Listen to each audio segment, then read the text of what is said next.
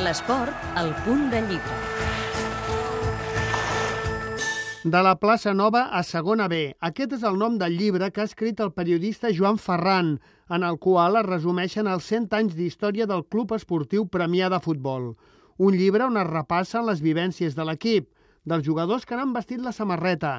Jordi Ferran ha trigat 4 anys a escriure el llibre i diu que no ha estat gens fàcil. El principal obstacle que, que vaig tenir a l'hora de fer el llibre és que el Club Esportiu Premià no tenia cap arxiu històric ni, ni guardava massa documentació. Llavors el que vaig fer és, a partir de Maroteca, començar a buscar informació de cada temporada, és a dir, totes aquestes alineacions, tota aquesta informació de temporada, tota aquesta informació estadística, i a partir d'aquesta estructura, d'aquest coixí de, de dades, vaig començar doncs, a, a buscar històries de cada temporada, saber qui era l'entrenador, qui era el president, quins eren aquells jugadors, com eren, què ha passat, i a través de moltes entrevistes personals eh, és com s'han anat teixint eh, les històries que formen a, eh, aquest llibre. El llibre està dividit en dues parts ben diferenciades, tal com ens explica l'autor. Podem trobar un llibre que consta de dues parts ben diferenciades, eh, una primera que consta de 11 capítols i explica la història del club d'aquests 100 anys, i una segona part, que és com una mena de base de dades o de guia, amb totes les temporades d'aquests 100 anys,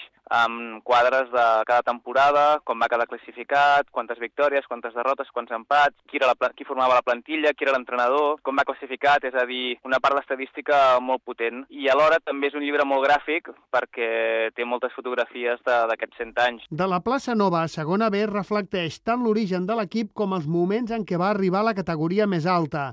Ara mateix, però, el Premià està jugant a segona catalana.